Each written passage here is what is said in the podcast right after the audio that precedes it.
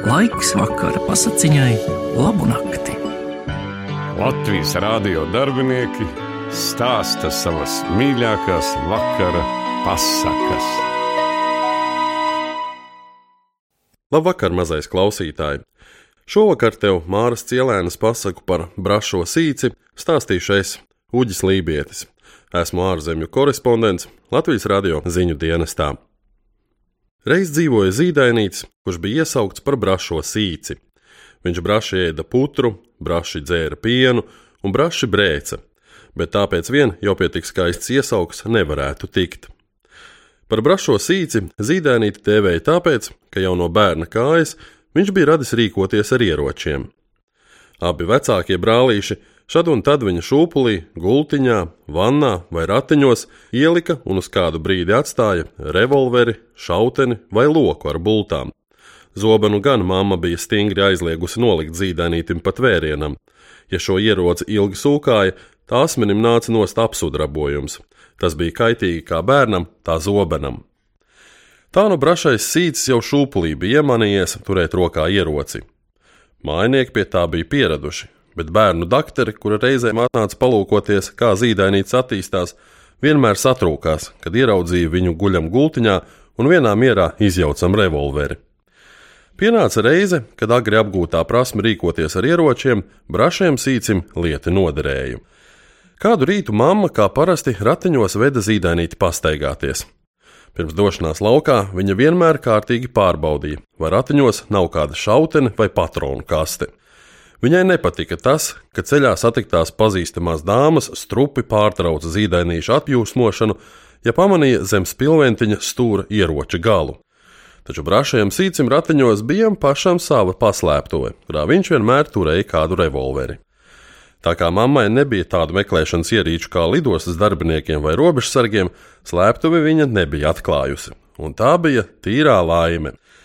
Mama stūma ratiņus pa klusu, skaistu ielu, Brašais sīcis skatījās mierīgajās debesīs, bet tad, kad viņam apnika, pagriezās uz sāniem un raudzījās apkārt pa caurumiņu, ko ratos jau savās zīdainības dienās bija ierīkojis pats vecākais no brāļiem. Un pa to novērošanas caurumiņu brašais sīcis pamanīja divus zagļus, kuri gaišā dienas laikā uzglūnēja kādai jaukai rāmai mašīnai.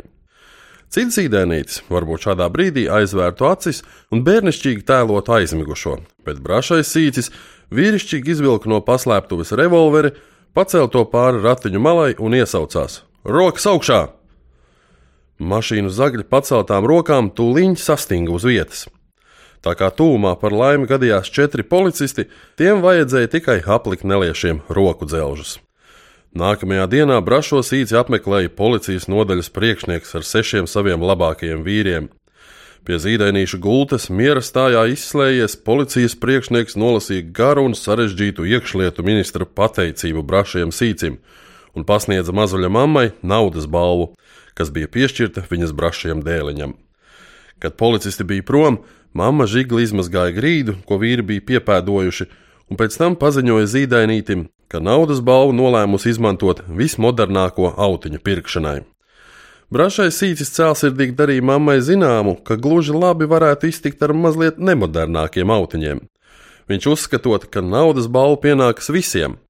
Liktenīgajā dienā mamma taču esot stūmusi ratiņus, un revolveris taču piederot vecākajiem brāļiem. Kad abi vecākie brāļi dzirdēja šo mazuļa lēmumu, lepnums viņu sirdīs pilnīgi pieveica vieglo skaudību. Abi nostājās pie brašā sīča gultiņa tā, kā pirms laiciņa bija stāvējuši policisti. Zīdainītim bija tā laime noklausīties vēl divas runas, kas daudz neatšķīrās no iekšlietu ministra pateicības raksta. Turklāt mazulis saņēma vēl divas vērtīgas balvas. Ugunsdzēsēju mašīnu, kuras varonīgā pagātne atspoguļojās ikvienā tās detaļā, un noslēpumainu pašdarinātu uzlīmi RTFB, kas tūlīt tika cieši pielipināta pie gultas gala. Pēc apsveikuma runām un balvu pasniegšanas brašais sīcis palūdza, lai abi vecākie brāļi viņu kādu stundiņu pieskata, un lai mamma aiziet uz tirgu un par balvas naudu nopērk visiem zemenes. Kad mamma atnesa ogas, visi ņēmās tās draudzīgi notiesāt. Laiku pa laikam mīlestību pārtrauca žurnālisti un fotogrāfi, kuri steigšus vāca faktus par šo kriminālu notikumu ar laimīgām beigām.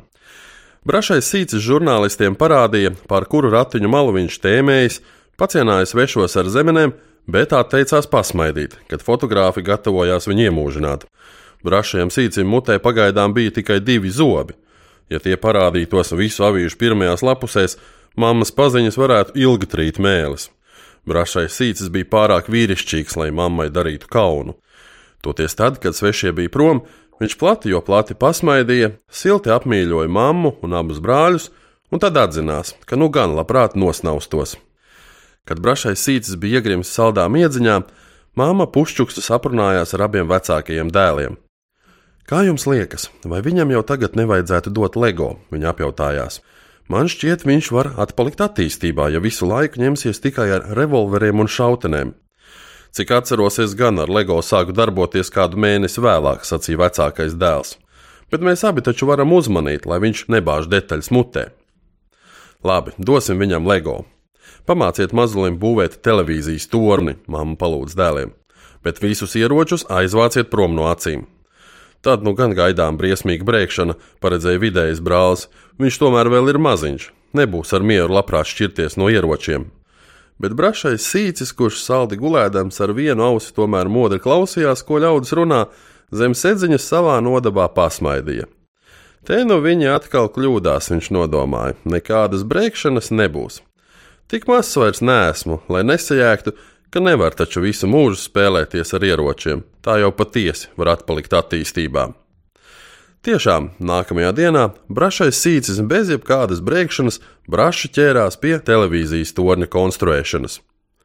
Vienu revolveri un mazliet munīcijas savā slēptuvē viņš tomēr bija noglabājis. Katram gadījumam.